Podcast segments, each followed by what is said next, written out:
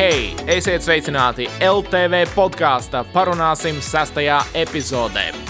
Es pieminēju vārdu podkāsts, nu, kā zināms, nesen paziņoti 2020. gada vārdi, nevārdi, spārnotākie teicieni, un viens no finālistiem gada nevārda lomā bija podkāsts. Pareizi esot teikt, raidieraksts. Šodien ciemos Latvijas televīzijas balsis Inese Vaikule un Andris Brikmanis. Viņus dzirdam ļoti bieži, kad tiek reklamēts Latvijas televīzijas saturs. Kā ir strādāt ar instrumentu, ko sauc par balsi? Kā mainītos jūsu dzīve, ja ik mēnesi valsts ieskaitītu jums 1000 eiro? Vai esat par kaut ko tādu kādreiz aizdomājušies?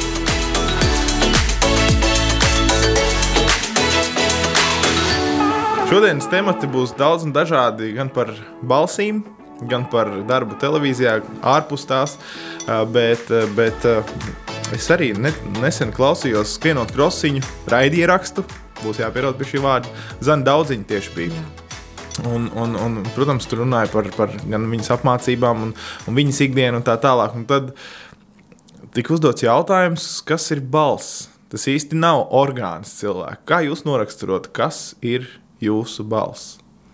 Es Varbūt tur jau uzreiz netik ļoti medicīniski. Ja, bet... Jo tas ir viens no raidierakstiem, kurus es arī klausos, eh, tostarp sēžot mašīnā. Un Zanas daudziņas eh, šis ugunsskolas intervijas ieraksts eh, arī bija tas, ko es nesen klausījos.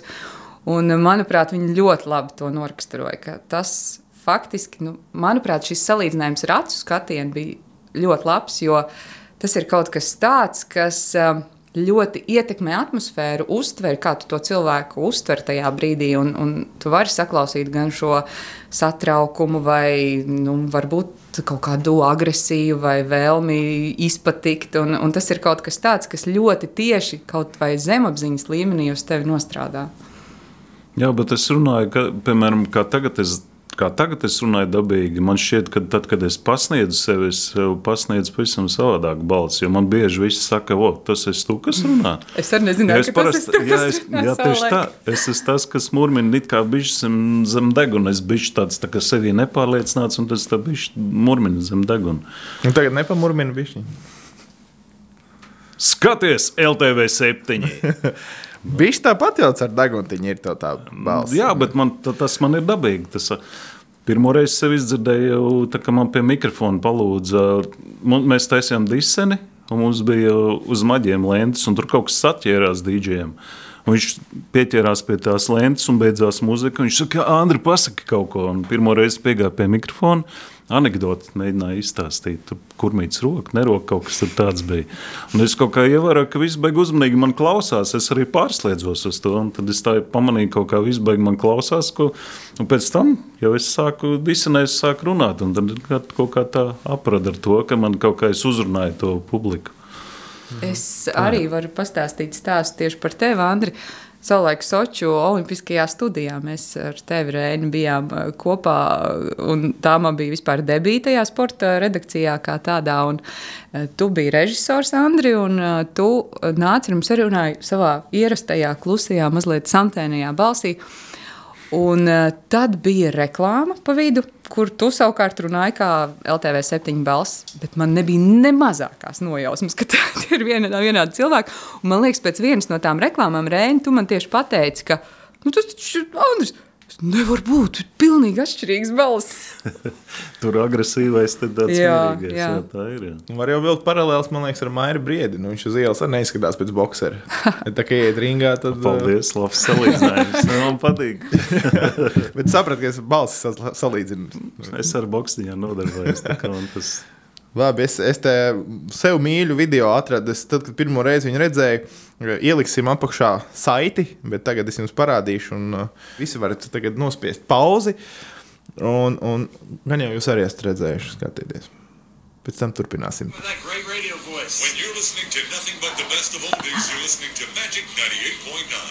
Thank you so much. God bless you. Thank you. And we'll be back with more right after these words.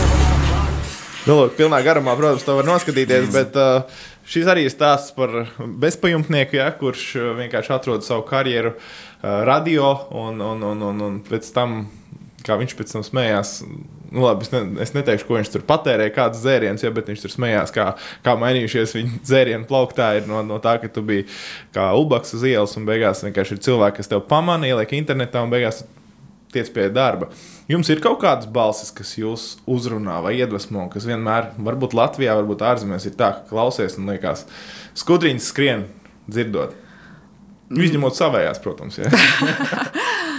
Manuprāt, tāds uh, balss ziņā nenovērtēts talants ne jau tādā ziņā, ka viņš. Uh, Viņš vienkārši nav šo savu talantu uh, pietiekami daudz, varbūt citiem izrādījis. Uh, ir Sandrs Ozoliņš.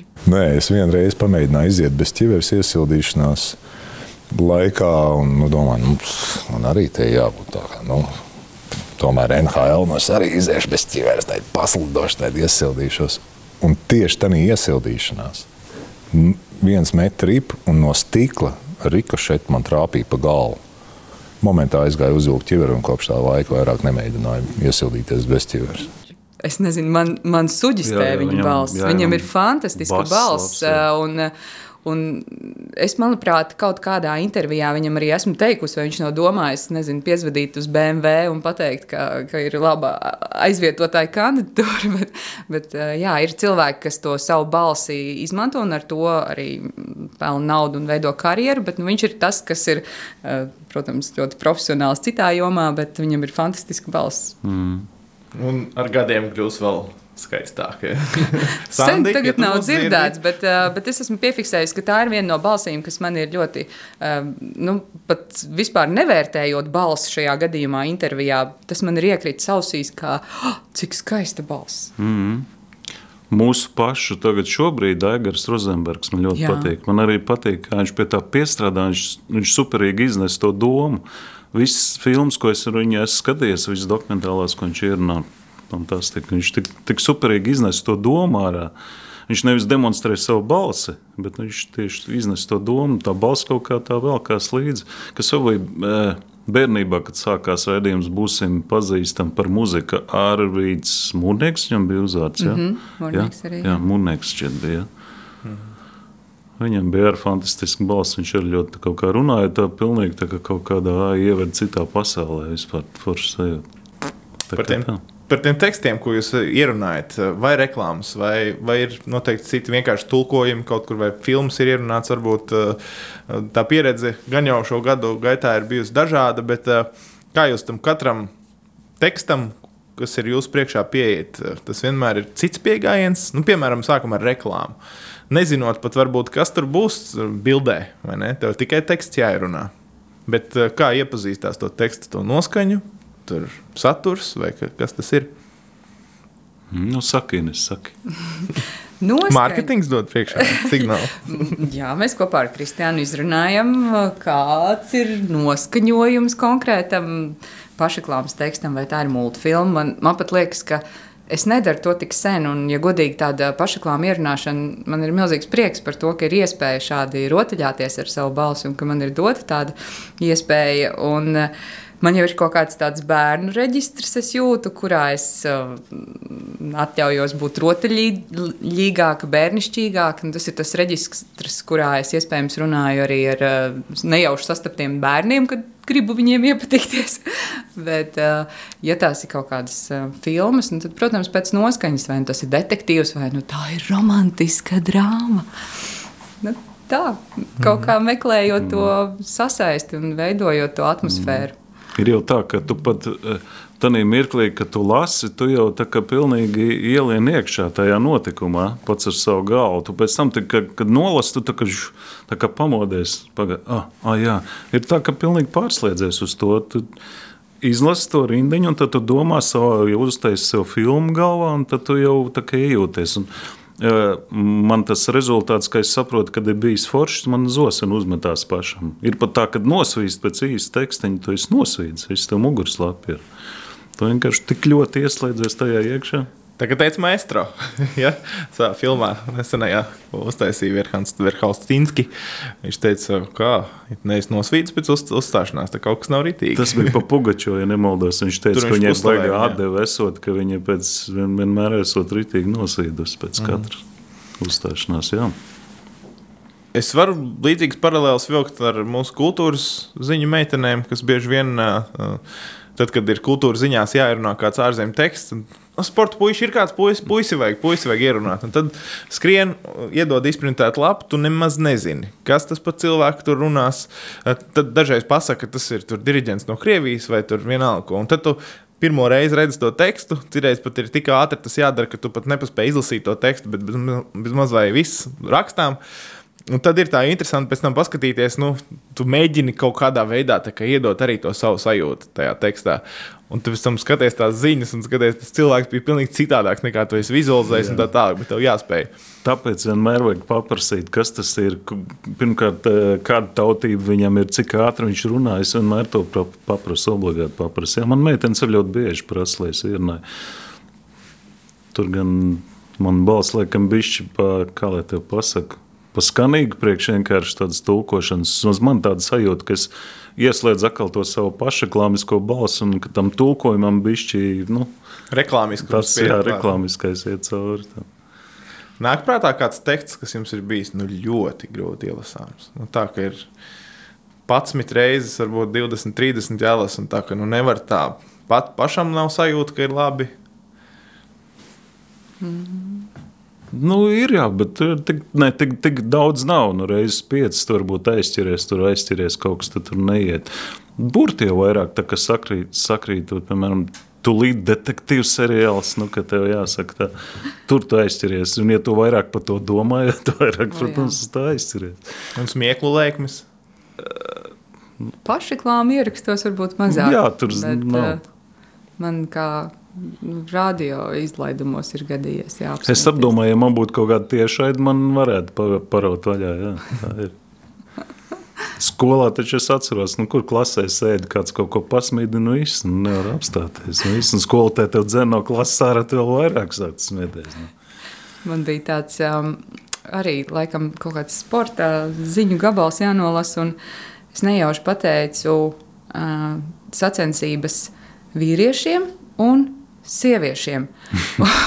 Tajā brīdī man pašai tik ļoti sanāca smiekli par šo savu jaunvārdu, ka es vairs nevarēju nolasīt. Bet es turpināju un mēģināju, un pēc tam bija daudz klausītāji. Bet viņi bija ļoti priecīgi par šo. Domāju, gan rekums sēž Reinis, Andriņš Biedriņš. tikko Andriņš viņš- Biedriņš, es atceros, Andriņš jā. Biedriņš, ja pirmo gadu, man liekas, rīt. Man Es nezinu, kurš gads bija, bet, eh, bet jā, es atceros, tur tā bija smieklu lēkme plus pārteikšanās. Ne, pārteikšanās plus smieklu Toreiz tā lēkme. joks, viņš nevarēja savākties. Jā, un pēc tam pagāja gads vai divi, un tad, un tad bija vēl solvitiņa jāboltiņa. Tieši ne man, jā.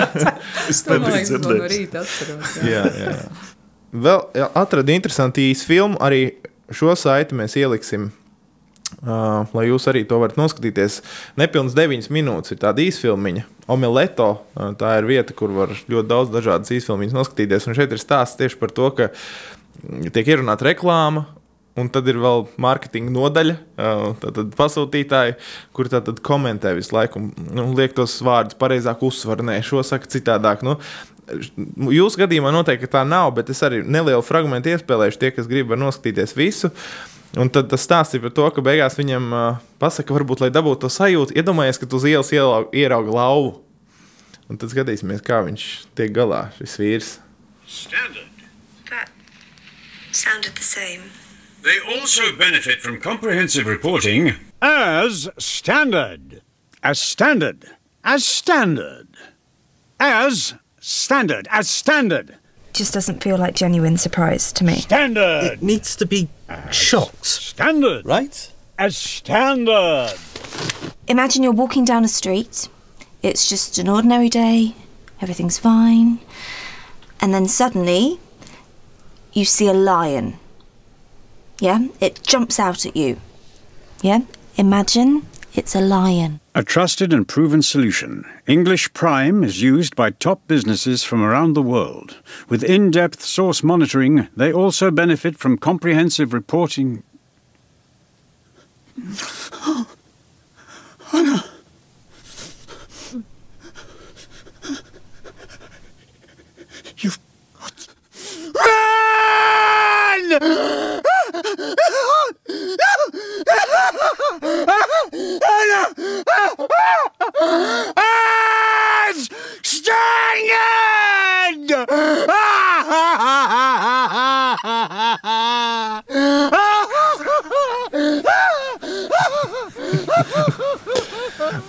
šis ir stāsts laikam par to, kā apnīk, bet nu, pārāk dziļi iejūtās. Ja? Nu, jā. ne, ir jau, zin, kā, ir, ir jau baigi forši marketings, tiešām, ja viņi zina, ko viņi grib. Ja, ja tev konkrēti pasaka, ko grib, nu, tas tāpat kā ar labu režisoru. Ja viņš tev zina, ko viņš grib, tad viņš no tevis arī spiež to ārā. Bet, ja tā, ka tu vienkārši ka tev aizrāda, ka nu, varbūt šitā, varbūt šitā, nu, tad tu pats arī sāc mētāties savās domās. Nu, jo, Tu jau vari dažādi to pateikt, teikumu, var uzsvērt uz vismaz trīs vārdiem. Savādāk katreiz izklausīsies. Tā, ka, nu, ne, protams, ka jāklausās mārketinga domās, droši vien, nu, ka viņiem tas ir. Nu, viņi uzskata, ka tā ir pareizāk iznest to domu. Es. Nu, mēs jau abi arī neesam aktieri. Es domāju, ka tas cilvēks izklausījās ar tādu aktieru mākslas pieredzi. Noteikti, ka šāda aktieru mākslas pieredze mums arī noteikti ļoti labi noderētu. Bet um, nu, tas arī no vienas puses, uh, man liekas, tādā. Nu, ļoti ātrajā Latvijas televīzijas un vispār mēdīju darbībā ir sarežģīti, ja tu tai vienai lietai pieeji tik ļoti aktieriski. Un es domāju, varbūt tas ir arī iemesls, kādēļ mēs šeit esam nonākuši, jo mēs eh, kaut kādā ziņā eh, paši nu, esot un strādājot šajā sistēmā, zinām, tagad vajag ātri, šodien, šodien vakarā es arī esmu dažreiz kaut ko sūtījusi, bez maz vai pusnaktī vai vēl kaut ko, jo kaut kas ir pamainījies, ir kaut kāds strauji ritms, un iespējams ar aktieri tas būtu sarežģītāk īstenojams, un viņš no tā visa gribētu izspiest nu, tādu absolūto maksimālo ideālo. Kas nevienmēr arī nozīmē to, ka tas būtu kvalitatīvi nu, ļoti, ļoti labāk. Vienkārši tā atšķirība starp, nu, starp mūsu darba specifika ir lielāka. Mm. Bet uh, uzsver. Ne. Es atceros, ka Niks Matvejevs nelaids. Viņš ļoti bieži tās jingliņas taisīja. Un viņam ļoti bija apnikts marketinga, visu laiku pārtais, pārtais šito, šito. Un viņam saka, nu, atsūta 15 versijas kaut kam. Viņš kaut kādas trīs uztaisīja tās jingliņu versijas, pārkopēja viņas un deva 15 gabalus. Un no tām izvēlējās 12. Kā, nu, ar tādu domu, ka lūk, šis, šī versija ir foršākā. Nu, tā, viņš tā kā mazliet iesmēja par to, nu, kā mārketingā. Tas nav runa, vis, nu, tas ir runa, protams, par dažiem, dažiem nu, kas iedomājas, ka kaut ko saprot. Nu, tādiem drīzāk mārketinga cilvēkiem. Nu jā, tas jau no, var jebkur arī īstenībā īstenībā arī pats ierunā tekstu un pats pamēģina pēc tam izdomāt, kurš ir labākais no trim versijām. Es esmu saskāries reāli ar to, ka tu jau, nu, mm. nu, kā tev liekas, ka tur labāk uzsvars aiziet uz to vārdu, un tad tu mēģini tos divus tekstus salikt kopā, tad saproti, ka viņi tomēr nelīmējas kopā. Nu, tur, tas ir sarežģīti, protams, bet, eh, bet arī pa uzsvariem pareizajiem un tā tālāk. Draugi nav labi vai draugi nav labi. Kaut kā šo piemēru paņemot, tas, protams, ir pieturzīme. Bet jā, cik reizes jūs ar pausvariem esat sev mocījuši kaut kā, ka mēģināt vienu vārdu akcentēt. Nē, tomēr tam, tam visam jābūt uz nedaudz uz citu pusi akcentētam.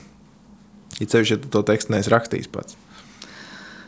Godīgi sakot, bieži vien es pārliecinos par to, kā tu pirmajā reizē viņu organiski izlasi, bieži vien tā ir arī tā pareizākā versija, vai vismaz nu, tāda arī nu, ausī saprotamākā.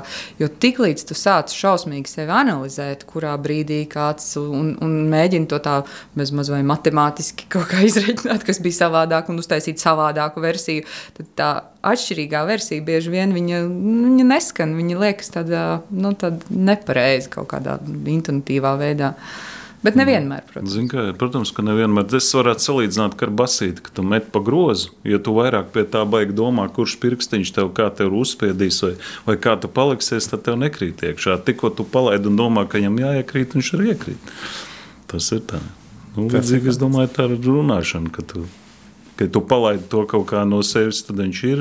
Ja tu sāc viņu baigi tur analizēt, mm -hmm. vai tu pareizi to vārdu vai nepareizi, tad nu, nē. Kas man bija pārsteidzoši pirms šīs sarunas, pirms tam mikrofona tika salikta. Ines saka, ka es teicu, oh, kas te mikrofoniņš un viss, vai ne? Kameras nav pilnīgi cita lieta, bet uh, ļoti interesanti nianses. Tu pateici, ka nē, nu, kameras priekšā vēl tu vari kaut kā. Kaut kādā veidā kā, izbraukt no situācijas, uh, mikrofons tev mazāk kļūdas piedodiem. Jā, es to tā izjūtu, jo arī strādājot radio, es jūtu, ka tieši šīs uh, valodas kļūdas, kuras arī bieži vien no satraukuma arī rodas, un tad, kad ir tā pirmā kļūda, tad tu sev to tik šausmīgi pārmet, uh, jo tev liekas, nu, tev nav iespēja kaut kā ar smaidu vai ar kaut kādu joku, nezinu, vai, vai žestu to kaut kā paslaucīt malā. Uh, tu uz to kļūdu koncentrējoties, bieži vien pieļauj nākamo kļūdu. Tā sajūta ir pavisam tāda nelāga pēc tā konkrētā ziņu izlaiduma, un ir grūti saņemties atkal un saprast, ka ne, tu tomēr vari nolasīt arī visu, kā nāks. Tādēļ man dažkārt šķiet, ka televīzijā jā, tas vizuālais palīdz nevis, nevis nu, pastiprināt tikai stresu, bet arī palīdz tev to visu kopumā izairēt. Tev ir sanācis tiešai dēļ runāt. Uh, Izņemot, ka tu studijā mūs sauc iekšā. jā, nē, nē, tiešai dēļ nē, bet uh, ik pa brīdim, kad sēž pie pults, pienāk uz dziesmu sētkiem, pienāk klāt un kaut kāds jautājums uzdod. Nu, tad, tad tāda sajūta, ka tiešai dēļ, bet jā, nē, nav tik, nē, nē, nav tik traki. Es tikko iedomājos, nu, piemēram, gruzīnu vīriešu, viņi jau bez roka, bez žestiem nemaz nevar parunāt. Viņiem liekas, jo lielāks žests, jo skaidrs, ka viņš kaut ko vairāk grib pateikt. Ja tu, nu, tu viņu neredzot, man liekas, nemaz nebūtu interesanti viņu klausīties. Tad, tu, kad viņu redzi, tad viņš runā šitā.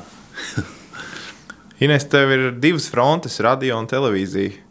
Um, Vari tā, varbūt tādam, ne, nu, klausās jau šo pārsvarā tie profesionāļi, bet tādam, kurš nav varbūt radio vidē strādājis, kā, kā, kā notiek tā pārslēgšanās, ka tu esi pie mikrofona, ka tu varbūt nedomā par vizuālo tik daudz, kā varbūt pasmaidīt vai, vai pakuķetēt nedaudz.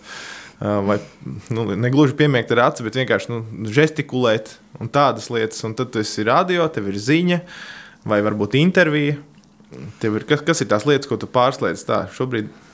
Nu, tā apzināti tādā intervijā, es domāju, lielu atšķirību nejūtu, jo ir jau arī video tiešraides radio, bet uh, ziņās gan uh, es jūtu atšķirību, ka tev ir jābūt koncentrētākam. Un, uh, nu, tur vispār nav vietas žestiem un kaut kādām tādām lietām. Ir kaut kāds ziņu standarts, kurā tā ziņa ir jānolasa. Un, nu, tu uz tām trīs minūtēm mēģini sakoncentrēties un, un izdarīt to pēc iespējas labāk. Televīzijā, ceturtā studija. Mēs strādājām, strādājām bez spikeriem. Attiecīgi, tie ir teksti, kurus mēs pat nelasām. Mēs runājam no galvas, nu, protams, ar kaut kādām tēzēm, kas mums ir priekšā. Bet, Tur ir lielāka interpretācijas iespēja, un, un arī nu, šī pati iespēja uh, ar žestu, vai smaidu, vai vēl kaut ko to koptēlu veidot nu, tādu plašāku. Mhm. Ceturtā studija. Uh, cik bieži ir viegli varbūt tos pieteikumus pastāstīt. Tā ka pašiem varbūt nāk, varbūt smiekli dažreiz. Citreiz ir tā, ka aktīvs, kurš kas tā pa problēmu tiešām. Ne, ir tas teiciens, man patīk, ja šī tev liekas ka ir problēma, nu, tad tev viss dzīvē ir kārtībā. Laikam, ja tu pat tādu mazu niansītu, piemēram, esi sašūmējies. Protams, tur ir ļoti aktuāls problēmas arī, bet dažreiz man liekas, jā, ka cik ir redzēts, tad liekas, ka arī vadītāji tā. Jā, interesants, interesants pieteikums un sižets. Manuprāt, nevajadzētu noniecināt nevienu no tēmām, ko tie skatītāji, nu, tie lielākoties ir skatītāji jautājumi kas tajā brīdī šķiet aktuāli. Protams, ir lielās ziņas, kurās mēs nerunājam par ikdienišķām lietām, kā piemēram otrajā slimnīcā uz podestu uzcelts pots. Bet uh, tas liekas, protams, uh, nu, es konkrēti šo piemēru pieminēju, jo viņš tā kā liekas, ah, nu, pirmkārt, varbūt nav patīkami par tādām lietām runāt, nu, kāds pots vai kāda tas svarīgi. Bet, bet, uh, Pēc šīs sižeta, pilnīgi negaidīti, man piezvanīja divi cilvēki. Viens no viņiem bija tikko salauzis celi. Viņš teica, bāc, nu, beidzot par to, kāds sāk runāt. Nu, bet tas taču tiešām ir ārprāts. Es nevarēju vispār. Nu, tā ir lieta, kas ir tajā pašā laikā cilvēkiem svarīga un ir muļķīga un ir neiedzīga. Tāda lieta ir un to visi uzskata par nepietiekami svarīgu tēmu, par ko runāt. Nu, tā gluži nav. Man šķiet, ka šīs lietas arī ir um, apspriešanas un izvērtēšanas vērtas, īpaši, ja tās noved pie labāka rezultāta. Bet tiešām nereiz nav bijis pārsteigums tāds, ka. E, ir. Jā. Es atceros visdīvaināko sižetu, bet es viņu noskatījos, man ļoti patika, jo viņš bija ļoti meistarīgi arī ar valodas un vispārējo. un arī tas rezultāts man patika. Mums bija vēstule no sievietes, kura nevarēja saprast, kādēļ ir uztaisīta mūsu pašu ražotāja krēma tūbiņa tā, ka viņu nevar izspiest līdz galam. Un Tā jau ir mūžīgā problēma. Nemācīsiet, nu, mēs varbūt esam aizdomājušies arī paši par tām pašām zobu pastām. Kādreiz bija tādas metāliskas un tā. Un tad, eh, tā, tā bija maza replika, tas nebija liels stāsts un sižets, bet eh, lēnām viņu, nu, mēs šo tēmu attīstījām līdz tam, ka mēs parādījām, kā to var izdarīt. Mums tur bija. Un, eh, Sieviete bija ļoti apmierināta ar rezultātu. Arī tur kaut kāds tas ražotāja viedoklis izskanēja. Un es teiktu, ļoti garšīgs stāstījums sanāca. Man patīk. No dzīves tas ir. Smieklīgi vai nē, bet man šobrīd uh, sociālajās tīklos met ārā. Es neesmu neko tādu skatījies, bet ir ierīce, ko tu vari piestiprināt pie savas mm, spogulīšu vannas istabā. Tāds tā kā knaģītis, kurā tu vari ielikt iekšā zobu pastas to tūbiņu, kas jau tev iet uz beigām. Tad tur ir tāds iekšā tāds rullīts, Lūk. ar kuru tu vari rullēt. Lūk, beigās viņš sarulē tik stipri, ka viņš tev iznāk ārā. Tā. Gluži tas, par ko es runāju. Tātad kaut kādā veidā ceturtās studijas konts varētu būt saistīts ar manu Facebook. Ja? Tas vienkārši nozīmē, ka mēs izliekamies dažreiz varbūt inteliģentāki vai tādi par tēmām, tādām, kurām ir tā ļoti eh, pagodinoši runāt. Bet eh, patiesībā mūs interesē arī, kā izspiest tūbiņu, un arī par to var runāt.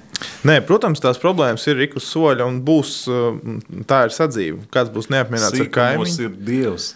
Jā, kāds būs neapmierināts ar kaimiņu, kādam nepatiks, ka tas tur laist visu laiku puķis augšā un man pila virsū, manam velospēdam, piemēram, augšā no balkona. Nu, protams, ka būs visu laiku problēmas, bet stāsti par to, ka cilvēki mēģina savā starpā, un kāds ir novērojams, nu, risināt tās problēmas, vai nekomunicē to kaimiņu, un labāk izsauc to ceturto studiju. Nu, lielākoties ir arī tādi stāsti, jā, nu, ne lielākoties, bet gadās arī tādi, ka tu redzi, ka cilvēks vai nu pēc dabas ir kašķīgs, vai nu, katrā ziņā ir iespēja šos konfliktus risināt daudz uh, produktīvāk nekā izsaucot televīziju. Tomēr, mm, manuprāt, par to ir.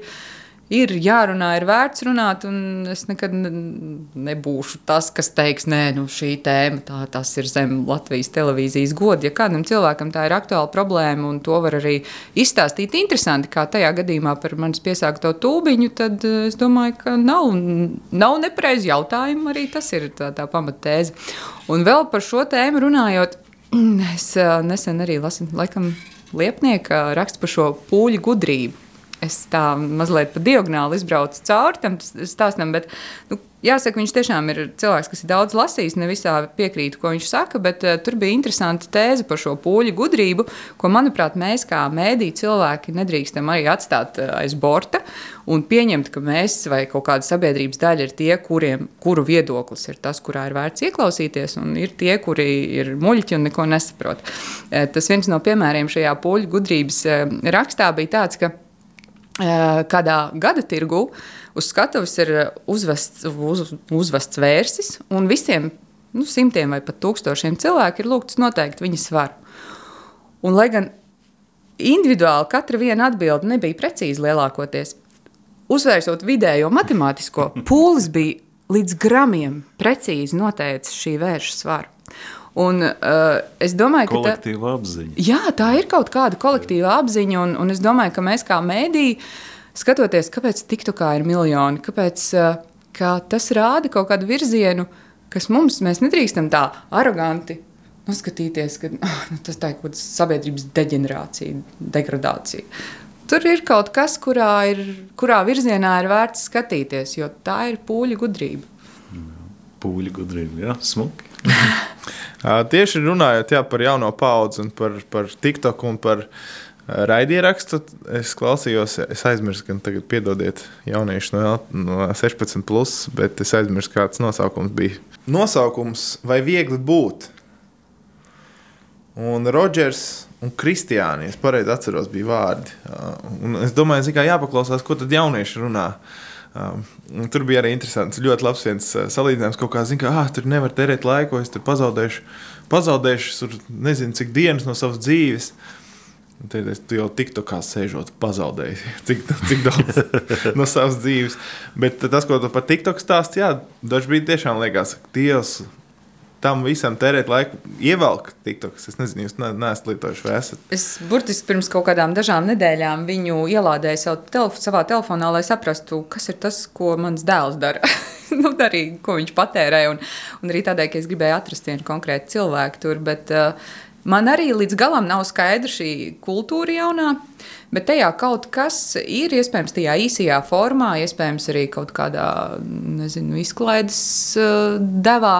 Bet ne jau tikai tas ir populāri, un, un arī tajā pašā YouTube skatoties, nu, kas tad ir tas, ko skatās daudz. Jo mans tas piesauktais um, krievu puisis, viņš gados jauns, uh, viņam ir 25 miljonu skatījumu intervijām nopietnām intervijām, žurnālistiski ļoti profesionālām intervijām ar, gan ar politiķiem, to pašu Kadarkovs, gan Vaļniju un citiem, gan, eh, gan arī, piemēram, stāsts par uh, šo Sibīrijas nometnēm un Kalimu un to visu reģionu un kā viņš tur ir braucis cauri mīnus 60 grādos, un tas viss ir, nu, tas ir noskatīts 25 miljonus reižu un ir ļoti daudz komentāru, un tu saproti, ka tas virziens ir kopumā man šķiet, mēdīņu virziens ir tāds, ka mēs drīz arī Latvijā sapratīsim, ka mums ir jākonkurē šajā YouTube vidē ar saturu, kas ir pasaules saturs. Mēs vairs nevaram sašaurināt to uz televīziju vai, vai kaut ko ļoti mazu un koncentrētu, ka mums, īpaši multilingvālā sabiedrībā, kur cilvēki prot latviešu, krieviski, angliski, mums ir jāspēj radīt saturs, kas uh, var piesaistīt, ierakstot YouTube uh, nosaukumu, un tu paņem to skatītāju. Man liekas, ka kaut kāds godīgums lien visā šajā ārā. Kaut kāda tāda viss paliek ar vien reālāks. Ar vien, ja nokrīt cilvēks, tad arī parāda, ka viņš tur nokrīt. Tas cilvēks tur nekāda bez. Nu, man liekas, ka tas, tas pieprasījums kaut kāds tāds rodās uz to, ka gribās ar vien pareizāk īsten, īstenību, nu, lai ir tāds tā kā īstenības pieskāriens kaut kam visam tam. Tad man liekas, ka tas ir tas, kas velkās ārā no visas šī tā. Īstums arī, es piekrītu, jā, arī valodas ziņā, manuprāt, eh, kā mēdī mēs eh, esam arī tie, kuriem ir jārunā tā, kā ir jārunā, bet, manuprāt, arī tas YouTube rāda, jo dzīvāka un īstāka ir valoda jā, un izteiksmes veids, jo cilvēkiem tas vairāk patīk. Viņi sajūt šo atšķirību starp to, ko tev dod, un to, ko tu ņem pats. Jā. Nu jā, tas ir tas, ko tikko Brīčkins, kā mēs televīzijā viņu devējam, viņš divreiz pasakā, nu, točna, un tad viņš uztraucās par to, ka viņš pateica točna. Bet tādā YouTube neviens par to neuztraucās. Nu, tā ir tā tā atšķirība, ko tev, protams, sabiedriskais mēdījis. televīzijas balss. Tā nu, nedrīkst jā, nu, jā. Bet atkal YouTube un sabiedrība to pieprasa. Nu, tādā ziņā mēs tiešām skatāmies uz, uh, uz to. Bet uh, to pašu tevis pieminēto Vduķpiju, ja, mm -hmm. ja pareizi atceros. Es arī Jēgor Krītis, nezinu, Egor, Jēgors Krits vai Igors Krits, es nezinu, Jegors, kā latviskot. Nu, jā, un tad viņš tur uzbruka viņam pa, pa zobiem, pa platī, ko tu esi izdarījis tiem zobiem. Zikā, Nu, tur ir tā, tā robeža, kurā brīdī tu, nu, cilvēks dara, ko viņš grib. Mm -hmm. nu, tā, tāpēc es tev prasīju sākumā par tiem agresīviem jautājumiem. Viņš tā apmēram kā sabiedrība kuluāros runā, ka tu tur kaut ko esi izdarījis, un viņš tā diezgan uzbruko, uzbrukoši viņam. Um, Tie jautājumi nav komplementāri. Es tieši konkrēti tevis piesaukto varbūt neesmu redzējis, bet, bet man patīk tā, nu, arī tas īstums, ka viņš nebaidās arī tos jautājumus uzdot nu, tam pašam Pozneram par viņa paša propagandu savulaik padomju gados. Un, un tā, un tu jūti, ka tas cilvēks sajūtās nērti, bet uh, tas ir jautājums vietā. Tas, to arī skatītājs novērtē, ka, ka, jā, ka tu nebaidies uzdot to jautājumu un ka tas viss ir nu, pa īstam. -hmm. Pēdējā reize, kad mēs šādi trīs vismaz ilgāk par minūtēm 15 runājāmies, bija tieši pirms septiņiem gadiem. Un šis bija laiks, kad bija palikušas, es tā skatījos, aptuveni desmit dienas līdz Olimpisko spēļu atklāšanas ceremonijai.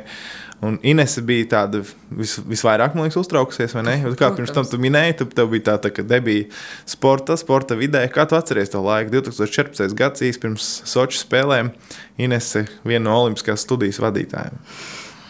Pirmkārt, es biju ļoti pārsteigta, ka man vispār tas tika piedāvāts. Es atceros, ka um, tā gandrīz vai garām ejot televīzijas gaitenī. Man Andris Ušāckis apturēja un, un tā starp citu pajautāja, tas vēl bija kaut kāda iepriekšējā gada nogala, vai teorētiski es varētu piekrist kaut kam tādam. Man pat ir grūti saprast, no kurienes tas mans vārds tur jūsu sporta redakcijā ieskanējās. Un, es esmu ļoti priecīga par šo iespēju, jo es pat varu teikt, ka tieši Olimpiskā studija zināmā mērā ir iemesls tam, kādēļ, manuprāt, es esmu šobrīd arī kļuvusi par balsi. Eh, es uz tavu jautājumu mazliet caur citu prizmu atbildēšu, jo tas bija saistīts tieši ar Olimpiskajām spēlēm. Manuprāt, tas jau bija stāsts par uh, Rio 2016. gada spēlēm, kad man nejauši, arī nezinu kādu iemeslu dēļ, iespējams, tāpēc, ka es arī tur biju tajā studijā tieši iesaistīta, bet piedāvāja ierunāt lielās olimpiskās um, starptautiskās reklāmas. Image klipu. Image klipu, jā. Un es godīgi sakot, nekad pirms tam nebiju. Es arī rādīju, mums pat ir aizliegums ierunāt reklāmas. Te ir arī mans pirksts. Redz, jā, nu, ka mēs tā esam, bet klausītājiem var rasties, ka mēs te tā visu viens otram esam sakārtojuši. Bet, bet jā, tā starptautiskā reklāma, tas bija pirmais eh, mans tāds mēģinājums, un visinteresantākais bija tas, ka es pirmo reizi apzinājos, ka var radīt ar balsi to atmosfēru. To starptautisko reklāmu bija ierunājusi Uma Turmana, man ļoti mīļa aktrise, un viņai ir ļoti skaista balss. Protams, kaut kādā ziņā pat mēģināju viņu atdarināt. Un tad vēl viņu sūtīja uz akceptēšanu, un tad viņu akceptēja to uh, reklāmu.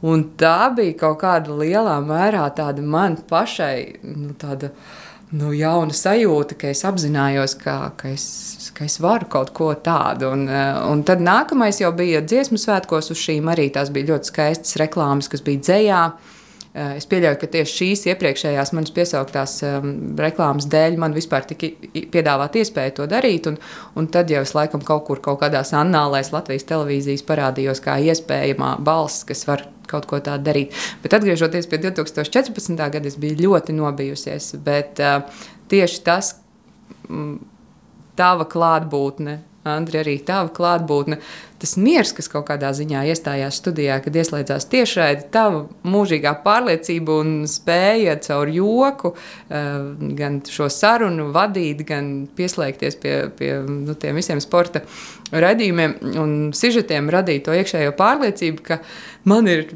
baigā aizmugure un ka es nostāvēšu. Es tur vienā brīdī, kaut kad pirmajās studijās, man liekas, sabāros bišķīt kaut kas tik Un mēs kaut ko nolažojām. Jā, es tik slikti pēc tam jūtos. Es tā parasti nekad nedarīju, bet nezinu, kāpēc es toreiz baigi uz, uzvilkos, baigi kaut kas tur, kaut kas nesakrīt ar manām domām un ar kopējām televīzijas domām. Nē, nē, bet Ar tas bija vietā. Kaut kas bija, jā, Tas bija es tur vietā, mēs sabāru, un es redzēju, ka tu ļoti, ļoti nobijies, un es pēc tam tik vainīgs jūtos par to. Jā, es tik spilgti neatceros, pat, ka Es kāds būtu kaut ko spilgti atceros savādāk. arī šo epizodu, bet mēs tur paši kaut ko salaidām grīstē, mēs nepareizi kaut ko pieteicām, manuprāt. Un tas bija pirmās Un atklāšanas garu bija dienas. kaut jā. kas tāds, Nu, tur viss tur bija. kopā bija. tur tāds. Nu, tev jau tā ir ikdiena ar maniem. Es biju. Ka pa garu viss ir. Jā. bet, bet labi, bet tad, skatoties uz visu olimpisko to spēļu norises laiku, man tieši Soču studiju vadīšana un, un Londonas spēļu, kad mēs ar Jokstiņu vadījām. Tās laikam bija arī vienīgās studijas, jā, ko es vadīju. 12, 14. Ne, 12 bija Lon- ah, nu jā, 12. Londona, 14. Soči. Un pēc tam nākamajā bija Rio jau, jau klātienē, Olimpiskās spēles. Tu biji šeit. Jā. Bet, bet tā, tā sajūta, kāda man bija 14. un 12. gadā, kad, eh, kad jebkur, kur tu dodies, nu, cilvēki jau apmēram, "Nu, ka šovakar studijā būs jums tur. Un kad tik ļoti jūti, ka dzīvo līdzi. Šeit uz vietas, ka tu Jā. esi prom tur, tu, tu tiešām neizjūti vispār to. Tu, tu skrien tikai sižets taisi, pat ir grūti nokomunicēt ar Rīgu. Nu, mēs bieži vien nesapratāmies savā starpā, jau tur laika maiņas un visu, un Tas- kādus sižetus tu atsūtīs. Tā, tā, bet, bet tā sajūta man baigas silda atceroties no tiem gadiem. Nu, tā. Tas, manuprāt, bija lielā mērā saistīts tieši ar to, ka spēles notika Eiropā un sakrita tie laiki. Un vispār bija tas ritms, uh, nu, visi tiešām dzīvoja. Nu, labi, Soči man palikuši ļoti. Nu, vispil- es varu teikt, ka tas ir viens no projektiem, kas nu, visā manā karjerā ir viens no tādiem spilgtākajiem, kas ir palicis prātā. Jo, jo tas bija saistīts gan ar to, ka tiešām tu jūti to sabiedrības milzīgo ieinteresētību tajā, ko tu dari. Un otrs ir tas, ka bija ļoti liela panākuma. Nu, pat vēl ar visām nozagtajām medaļām. Tie bija, es atceros, kā tu reini. Kā tu jau toreiz nojauti ar, ar, ar to pašu dukuru, ka kaut kas nav, kā tu tur soļus skaitīji. Ka, nu, tev nu, kaut kas, Šobrīd, nu, kaut jā. kas nav. Un, un taču izrādījās taisnība, ka pēc būtības viņas bija nozagtas tās medaļas. Nesen Jānis Utāns kolēģis atsūtīja tieši kaut kur viņam bija izmetis ā, tas sižets. Kur krievi bija ielikuši kaut kāds krievu, krievu YouTube konts, bija ielicis to sižetu ar to manu soļu skaitīšanu. Pats, protams, kaunēdamies skaties, bet nu, no vienas puses nu, nedaudz kaunēdamies, kas tā par žurnālistiku zina, nu, ok, bet es atceros to nakti, es, ne, es visu nakti te negulēju, tāpēc, ka Es nezinu, kas tā bija sajūta, bet, Bet bija bija sajūta, ka ka kaut kas nav ritīgi. Tur jā. četri vienādi starta laiki, uzskriet divās dažādās dienās. Tas man likās tik aizdomīgi. Nu, kā tas var būt? Un, un tiešām, ka tu nezini, kāpēc, bet izdomā salikt visus četrus, uh, visus četrus braucienus, paskatīties un saprot, ka visu laiku norauja neparāda pilnu to. Tad, tad tev liekas vēl aizdomīgāk. Un, un visa nakts man pagāja tāda, ka Dievs, tur kaut kas nav kārtībā. Nu, tā ir tā žurnālistiskā intuīcija, kas varbūt nu, tur ne, neizrādījās kā soļi kaut kāda vai neparādīšana, bet kad tu jūti, ka tā ā, fona. Fona informācija ir mm, sagrozīta, ka tur ir kaut kāds tāds čītošanas variants. Latvijas variants šim vārdam būtu krāpšanās. Bledīšanās, vai krāpšanās. blēdīšanās, jā. Nu, jā, nē, nu pēc tam tu skaties, jā, kas tik nenotikās un, un, un cik ilgi vilkās šī ēna, kas šobrīd vēl principā tā, tā traki sakot, atraugas vēl joprojām ir jūtams. Es runāju ar bijušo rokas bumbisti un vārdsargu, vārdsargu futbolā. vai ne? Jā, jā. Pastāstiet īsumā par savām karjerām sportā. jo es atceros, tu spēlēji rokas bumbu, vai ne? Nu, es to stāstu. Man jau liekas, ka tas ir kauns vispār, ka es to baigi pieminu, jo es domāju, ka neviens no rokas bumbas tādiem funkcionāriem vispār nenojauš, ka es tur kādreiz esmu nofigurējis. Un, diemžēl arī Latvijā tā rokas bumbas saime ir neliela, īpaši sieviešu saime. Par puišiem man ir liels prieks. Un es viņiem vēlu vēl lielākus ā, panākumus, bet Bildē ar Dainu Kristapānu ir. nav, Nav. nav. Es gribētu kaut kur tur zem padus. Tad ar, ar dziesmu par dzīvi tur starp citu, skaidrs. mēs ar Anatoliju Krepānu par to runājām. Es jau esmu viņam aizlikusi vārdu, ka vajad- vajadzētu ar Dainu par to parunāt. Bet nu, tā mana karjera bija salīdzinoši īsa tādā ziņā, ka es ar rokas bumbu nodarbojos, kamēr es mācījos Salaspils vidusskolā. Tas bija vienkārši savietojams ar nu, tīri geogrāfiski, ar, ar treniņiem. Blakus Krievijas skolas treneris Ināls Daguzovs, uh, Ositīnietis, karstasinīgs, mūs tur kārtīgi paņēma priekšā meitenes, lai mēs varētu tiešām parādīt daudz maz labu sniegumu. Un, uh, mums vēl paveicās ar to, ka Salaspīlī Hess mums bija kā sponsors. Līdz ar to man lielā mērā tas sports bija ļoti laba iespēja laikā, kad nevienam nebija naudas. Man bija vecāki dzelzceļnieki, un viņiem nebija iespēja kaut kur baigi mūs tur vadīt apkārt. Man bija iespēja redzēt visu Eiropu. Un, uh, tāpēc vien es ļoti priecājos par šo sporta, savu īso sporta karjeru, kas noslēdzās ar augstāko vienas eh, mazas eh, vasaras nometnes eh, dalību jau tādā izlases sastāvā, ko es arī domāju, neviens neatcerās. Bet nu, es tiku atzīta kā nu, daudz maz pieņemama, lai tur būtu. Bet šobrīd pasaules čempionāts uh, handbolā tu kaut kādā veidā bišķiņu pasako līdzi. vai? Nu, tad, kad ir jau pavisam augstais Medaļu cīņas, ja? jā, nu, tad jāatzīst, tas tā baigi nē. Bet, eh, bet nu, ja man kaut kad trāpās uzslēgt, es ar lielu tādu prieku un nostalģiju paskatos. Kaut ko jau es vēl atceros. Man jau baigā izvēle nebija. Man bija vecākais brālis. Viņš iet spēlēt futbolu. Kurš stāvēs vārtos?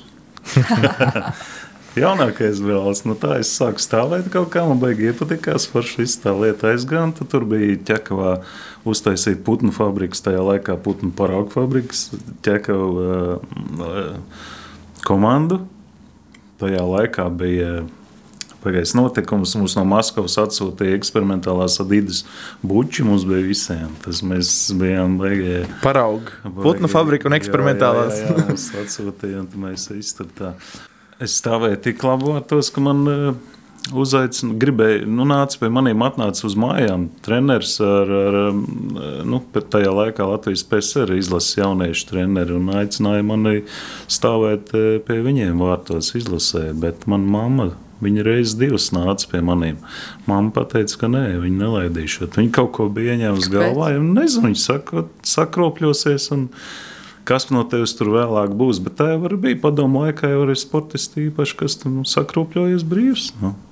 Lai gan vārds varbūt tā nekropļojās, bet nu, vienalga kaut kas viņai bija ienācis galvā. Viņa man spieda akordionu toties spēlēt. Oh, čau, uz boks aizsūtīja. Ja, nu, Boksis pats aizgāja. Man brālis, Kā ieriem- man vecākais ieriem brālis, mammai. man vispār vecākais brālis beigīgi sportā, man iestūma iekšā. Un, Man lika pie stienīša pievilkties, atpumpēties katru vakaru. Nu, viņš bija pilnīgi tāds. Viņš pats uh, attīstīja šo sporta karjeru.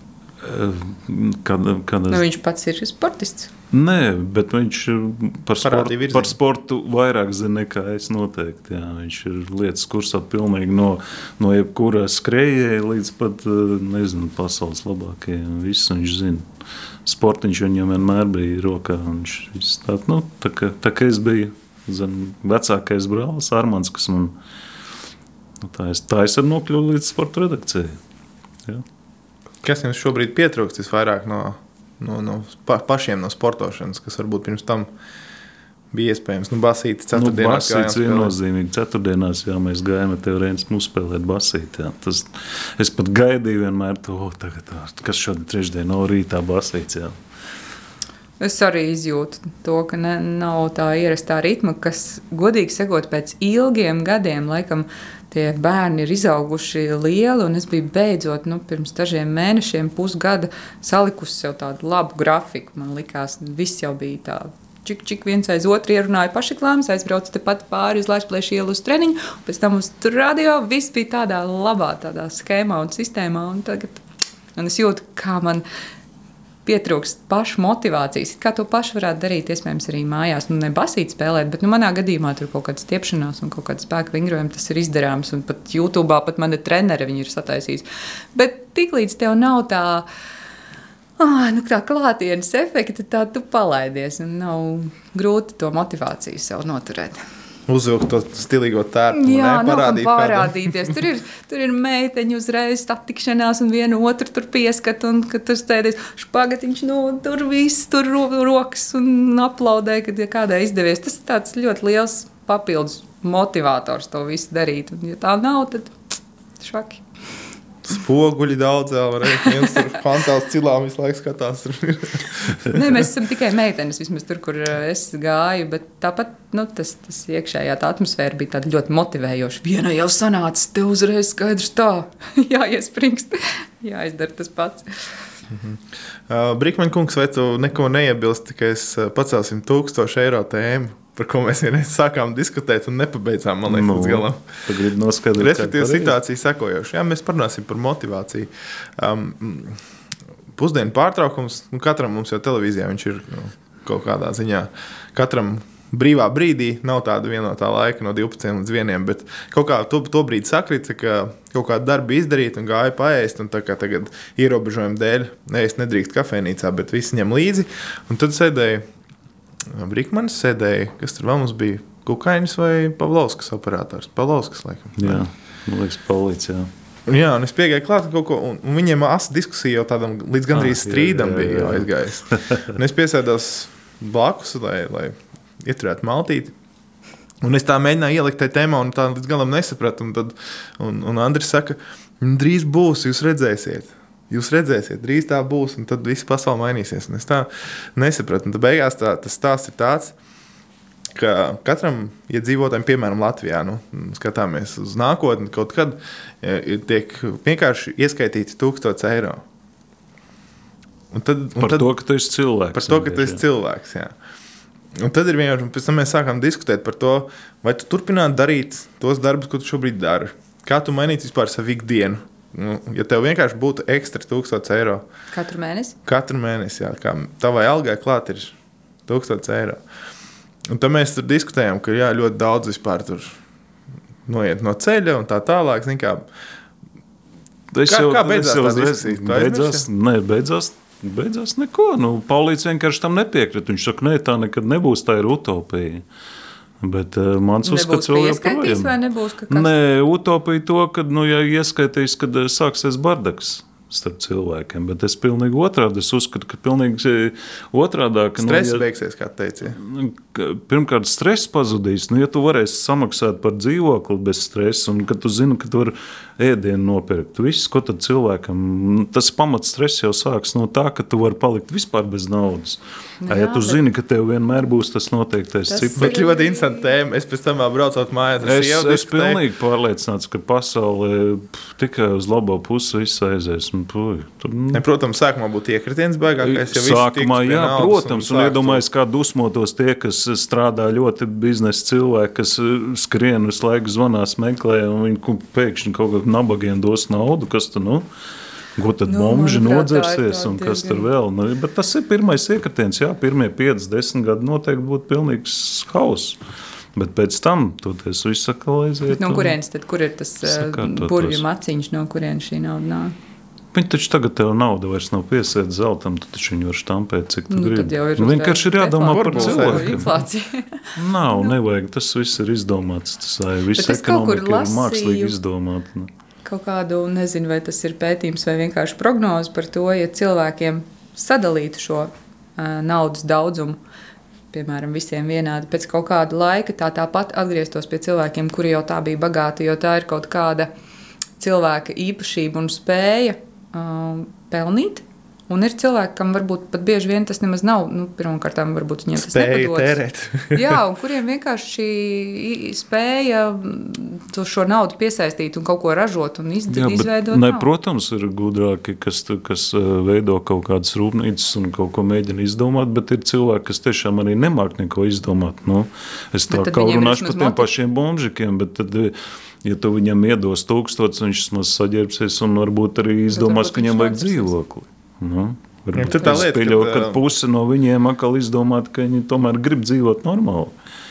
Jo ir ļoti daudz cilvēku, kas vienkārši nemāk izdomāt, ko viņš grib. Nu, Bet- Pieļauju, ka arī slinkums, protams, bet Jā. slinkums tā jau nav, kā lai te pasakā, tas nav, tā nav slimība. Tas ir kaut kas Bet tā ir viena no raksturīgākajām cilvēka īpašībām. Manuprāt, ja tevi nemotivē tieši šī pelnīšanas uh, nu, nepieciešamība, ka tu zini, ka tev bērni jābaro un tev vispār ir jādomā par savu nākotni, jābūt konkurētspējīgam, tad tu arī tajā slinkumā palaidies vairāk. Meitenēm, man liekas, pat ir savādāk. Viņas, man liekas, līdz bumbuļs līmenim ļoti, nu, ja procentuāli skatās, tad uh, tomēr vīrieši laikam ir krietni pārsvarā. Paliek Bet tādi jums ir lielāks spiediens sabiedrības arī to Nu, Jā, protams, tu esi vīrietis, tev viss jādara, jāmeklē, un tu no bērnības jau tu tā tiek, tiek audzināts. un Tad, tā kā, ja tu tam nevari pārkāpt pāri, tad tu, tu protams, liekas, nolaisties, sagumsti, jā. sagumsti zem tā sloga. Tā ir. Jā.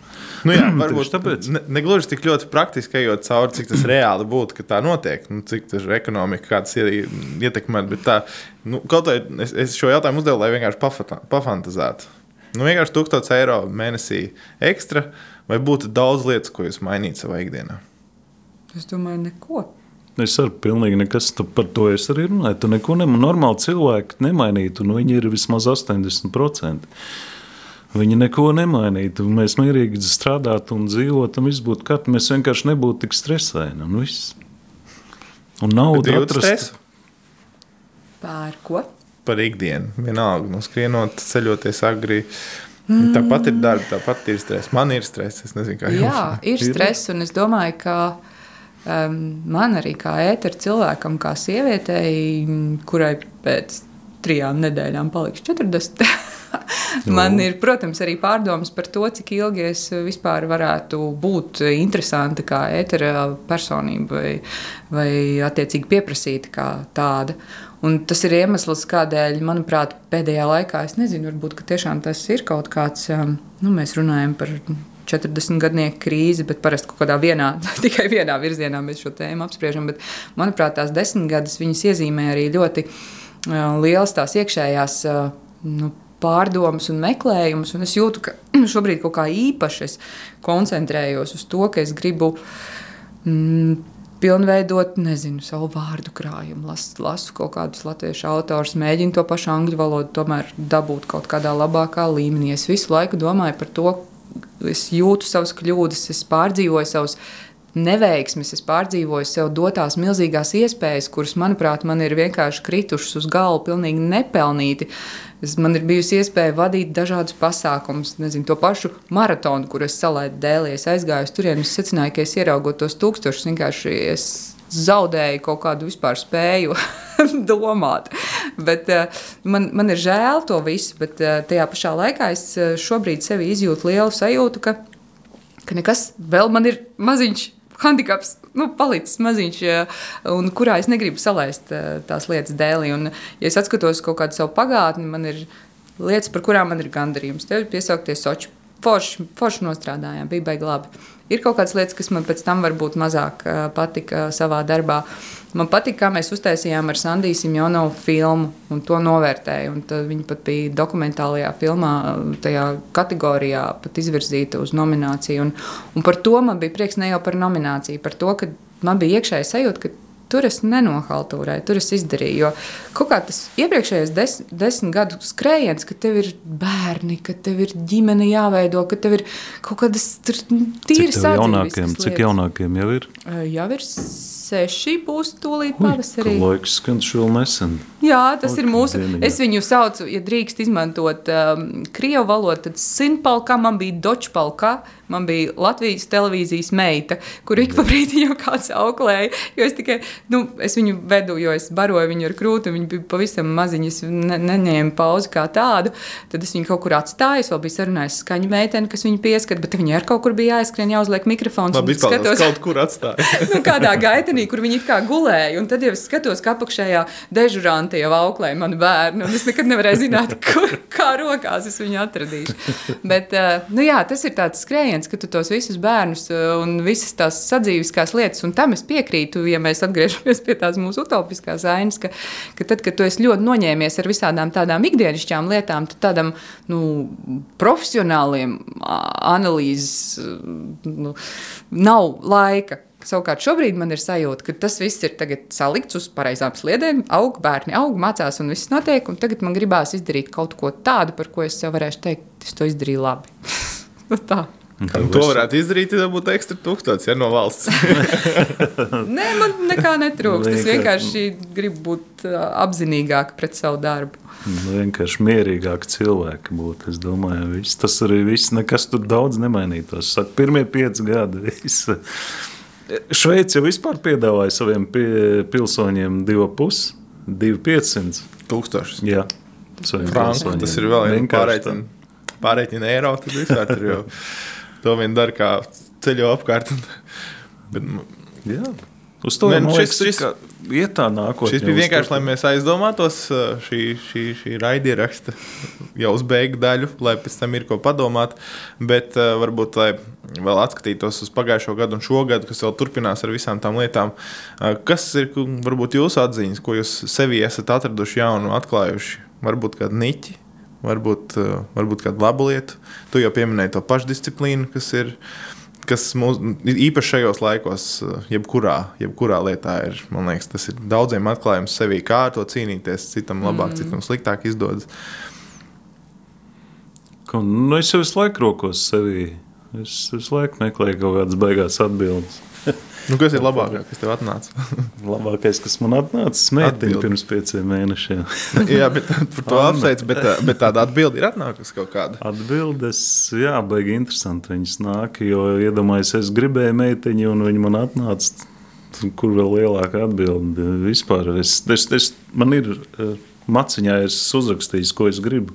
Viena no tām bija, man būs meiteņa Anna, tas bija, es rakstīju to vēl pirms diviem gadiem man pamainījās viss dzīve mazliet. Man es tā, tā kā uzrakstīju sev, ko es gribu. Es kaut kā sāku interesēties par tām lietām, kad vajag uzrakstīt un nomierināties, un ka tas viss lēnām pie tevis atnāk. Šobrīd, tik vienkārši. Tik, tieši tik vienkārši. Galvenais ir nomierināties. Nevis baigi, nevis baigi izvirzīt sev mērķi un par to baigi degt. Arī tā var darīt, bet tu tiešām dedzi. Tu reāli sev bojā nervu sistēmu, visu, ko var būt, un pa ceļam tu daudz ko salauz nepareizi. Es domāju, pa vibrācijām runājot.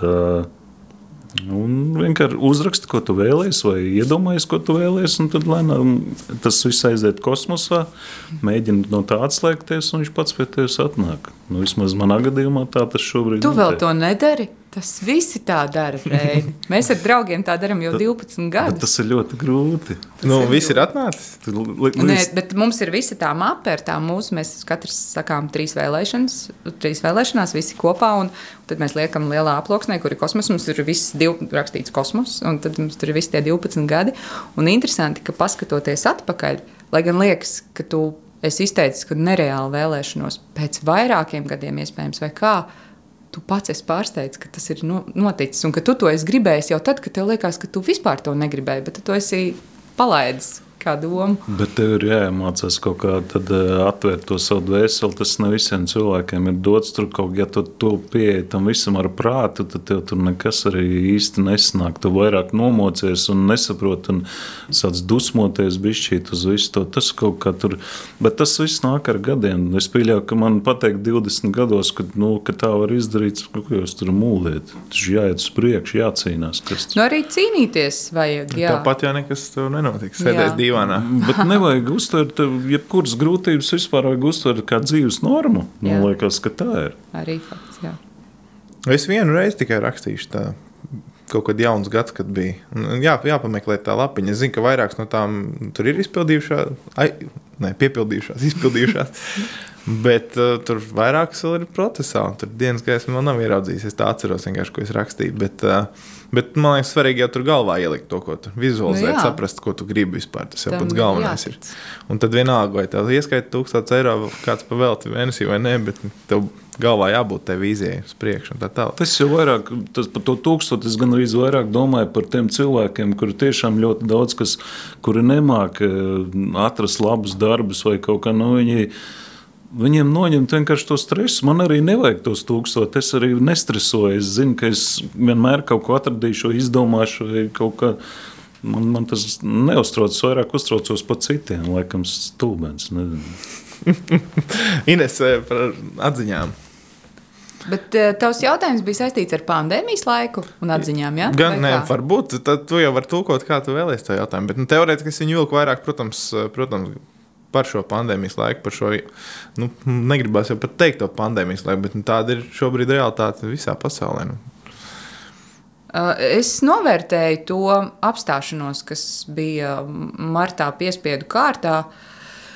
Es ļoti labi atceros tās savas sajūtas. Uh, Konkrēti, martā man bija ļoti daudz darbu, visādu. Man puikam bija jābrauc uh, četrās uh, izbraukumā ar knipām, knoķiem, muzikālajās tūrēs. Uh, Paralēli vēl notika gatavošanās dziesmu un dēļu svētkiem. Viņiem vajadzēja vasaras tur tā nometnē gatavoties, un vēl tur visādas. Tur, vienmēr sakot, tajā 12. martā, vēl dienu iepriekš, man likās, ka es vienkārši sajūšu prātā, kas tur notiek. Un, lai arī mm, es nebiju priecīga par to, kas notiek, tajā pašā laikā es jūtu kaut kādu atvieglojumu par to, ka es tajā ritenī varu. Nu, es varu izkāpt, mazliet izkāpt un uh, novērtēt to laiku, kas mums ir kopā un mierā. Uh, arī ar tiem pašiem bērniem, kuri mm, varbūt arī ir mazliet pa daudz tajā brīdī bija noslogoti ar visām lietām, ka mums parādījās vairāk tā ģimeniskā kopā būšana, mierīga, ar izgulēšanos, ar netriekšanos uz Rīgu 5.30. Es tās lietas ļoti novērtēju. Un kādā ziņā tas viss gada laikā man ir uh, sagādājis tiešām tādu lielu miera sajūtu, ka, ka nekas nekur neaizbēgs. Viss pasaule turpina griezties, un nekas nav tik svarīgs, lai nu, nostādītu varbūt kaut kādas savas tās ģimenes un attiecību lietas um, zem šīm darba lietām. Man, Nu, man pa visu šo dzīves laiku bija iekrājušās 60 neizņemtas uh, atvaļinājuma dienas. Un kā reiz tā pandēmija atcēlās Olimpiāda, es izņēmu visu savu atvaļinājumu, mierīgi paņēmām, noierējām jūrmalā mazu, mazu istabiņu. Un es nodzīvoju visu vasaru jūrmalā. Katru rītu gāju peldēties, vingrot, kaifs. Nekad tā nebija atpūties. Man, es pat neatceros, ka man būtu bijis tā, ka man ir brīvs, ka es varu neko nedarīt vispār. Vienmēr bijis tā, ka kaut kur kaut ko, nu, ja tev arī ir brīvs, vienalga, tev nu, kaut kur jāpaspēj aizskriet. Nu, tā ka tu nedēļu vienkārši neko vispār nedari. Es Fantastiska vasara bija, brīnišķīga jā, vasara. Superīgi.